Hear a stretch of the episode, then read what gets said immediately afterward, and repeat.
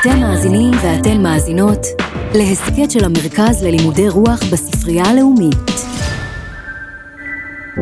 דמיינו לעצמכם שהסתבכתם בהתערבות. בהתערבות גדולה, רצינית, אולי אפילו קצת מסוכנת. תארו לעצמכם גם שהמון תלוי בהצלחה שלכם בהתערבות הזאת.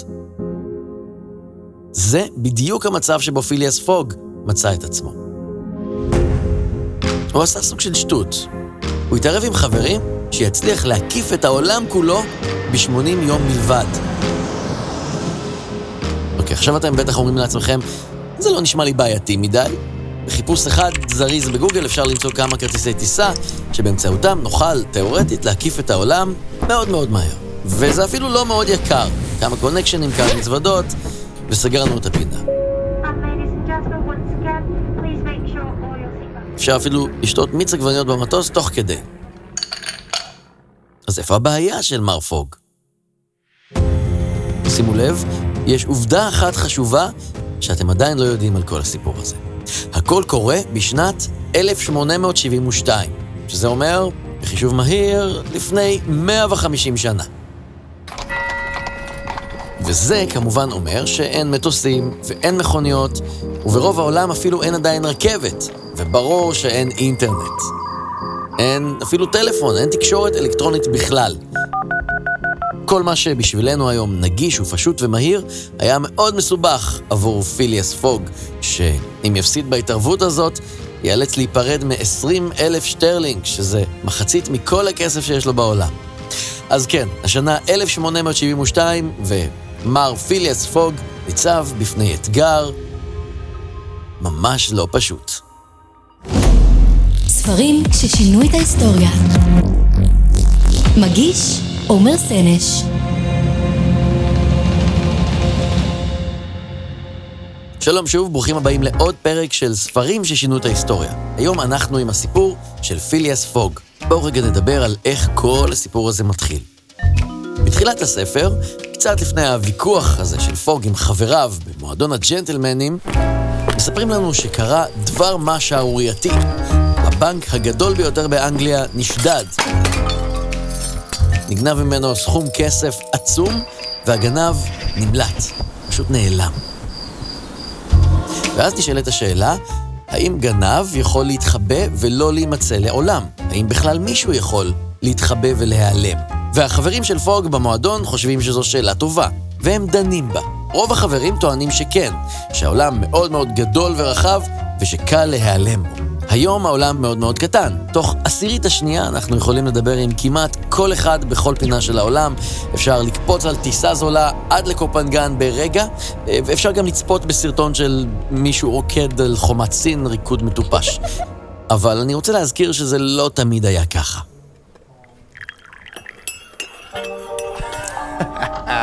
אני טוען שהסיכויים הם לטובת הגנב, שהוא ללא כל ספק איש ממולח. מה אתה סח? אין בעולם ולו ארץ אחת שהוא יוכל למצוא במקלט. לא ייתכן. לאן תרצה שילך? אין לי מושג.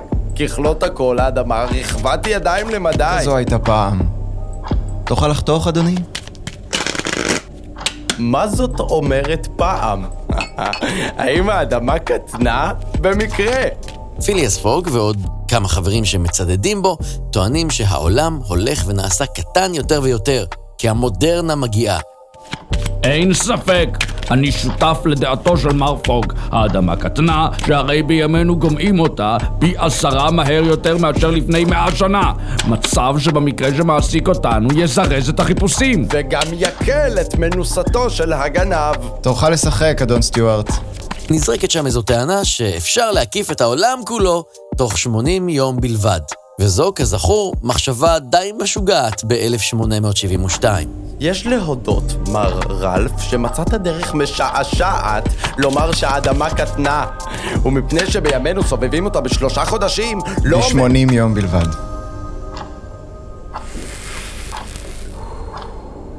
שמונים ימים.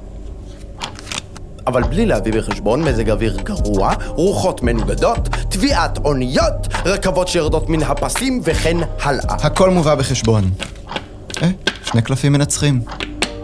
להלכה אתה צודק, מר פוג, אבל למעשה... גם למעשה, אדון סטיוארט. לא אתנגד לראותך עושה זאת. הלכה למעשה. אין שום בעיה?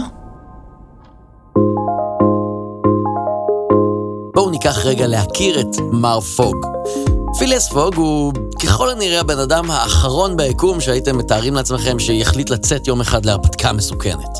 האמת, הוא כנראה הבן אדם האחרון ביקום שהייתם מדמיינים שיצא להרפתקה בכלל, אפילו להרפתקה לא מסוכנת. פיליאס פוג הוא לא בן אדם שיסתכן או שיאתגר את עצמו.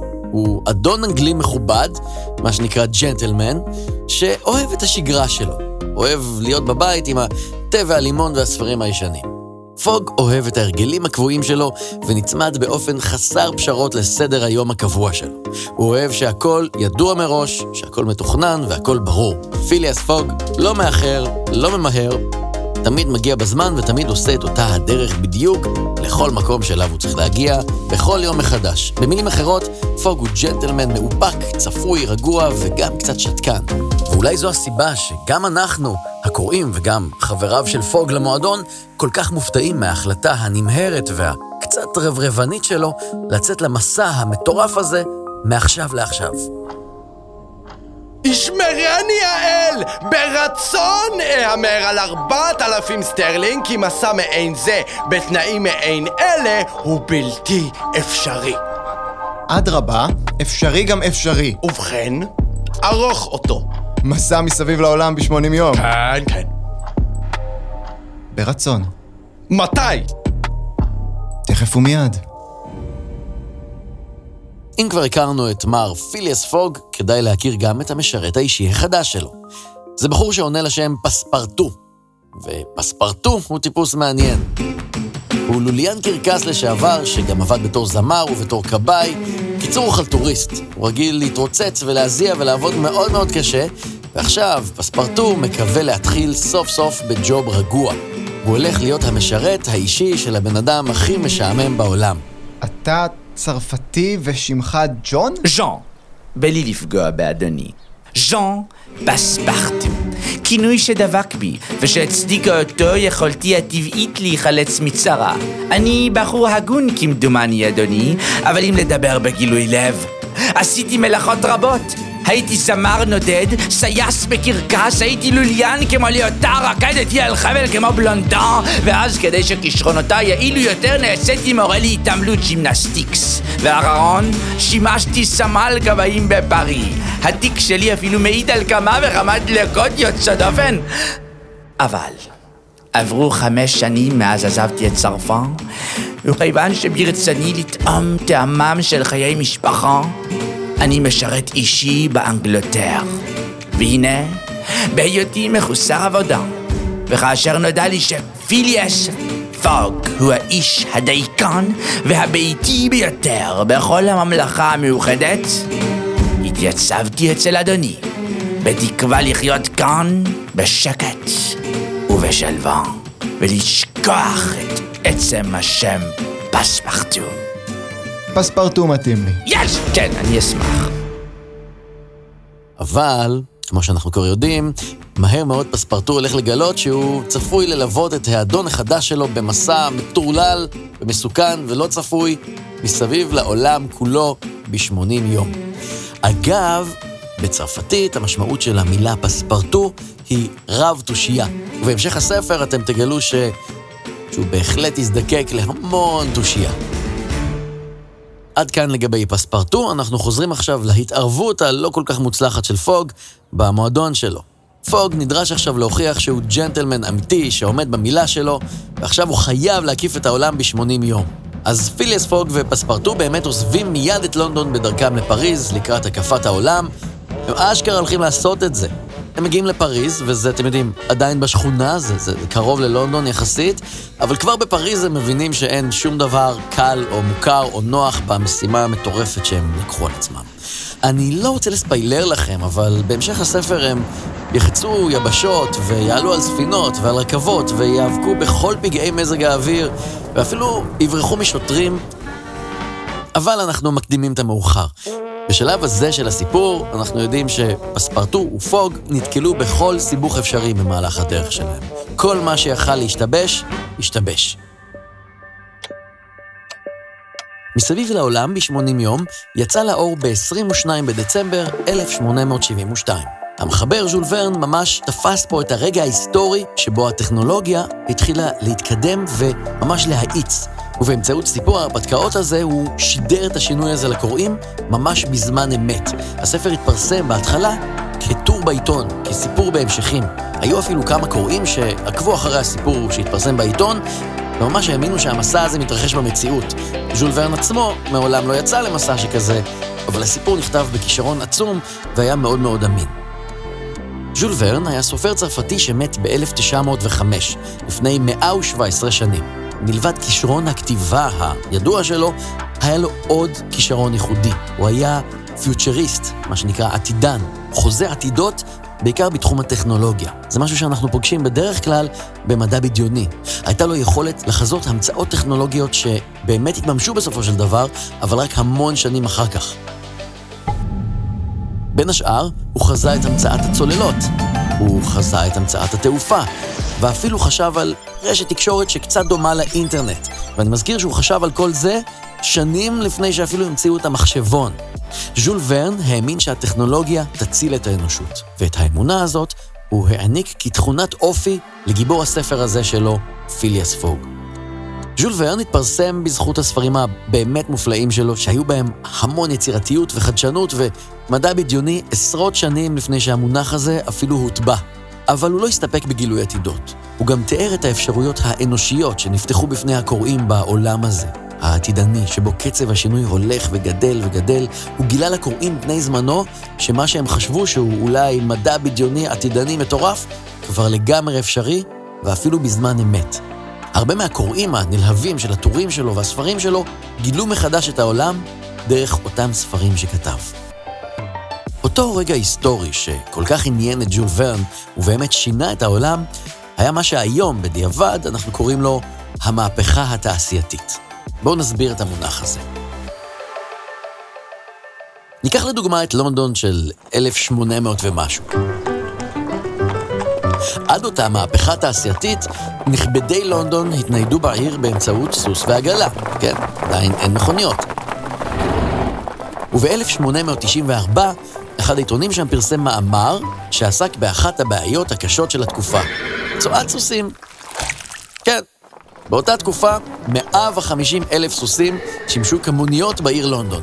ואגב כך, הם ייצרו, אתם יודעים, תוצרים אחוריים. אז היה מי שהתריע שבתוך כמה שנים, אותם גללים יגיעו לגובה של הקומה השלישית ויטביעו את העיר לונדון בצואה. מה שאותם עיתונאים לא חזו היה המצאת המכונית. מהאנקדוטה הקטנה והריחנית הזאת, קל לראות איך המהפכה התעשייתית שינתה הכל. המהפכה התעשייתית האיצה את העולם, ובעיקר הפריחה את כל התחזיות. המהפכה הזו ייעלה את שיטות הייצור באמצעות מדע והנדסה וקדמה, והביאה איתה המון חידושים מדעיים. מנוע קיטור למשל. מנוע יכול להניע מחרשה הרבה יותר טוב מסוס, יותר מהר, בלי להתעייף, בלי להתלונן. המנוע יכול לעבוד 24 שעות ברצף, אה, ובניגוד לסוס הוא גם לא... אתם יודעים.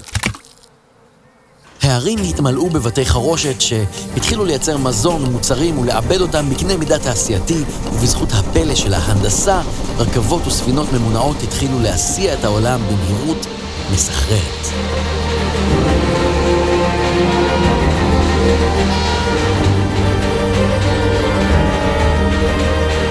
אבל המהפכה הזו לא נגעה רק אה, בהמצאות וחידושים, היא גם שינתה את מרקם החיים עצמו באופן עמוק ונרחב. רמת החיים עלתה, הרפואה השתפרה, יותר ויותר אנשים עברו מהכפר אל העיר כדי לעבוד באותם מפעלים חדשים, כדי לנהל אותם, כדי לצרוך את התוצרת שלהם.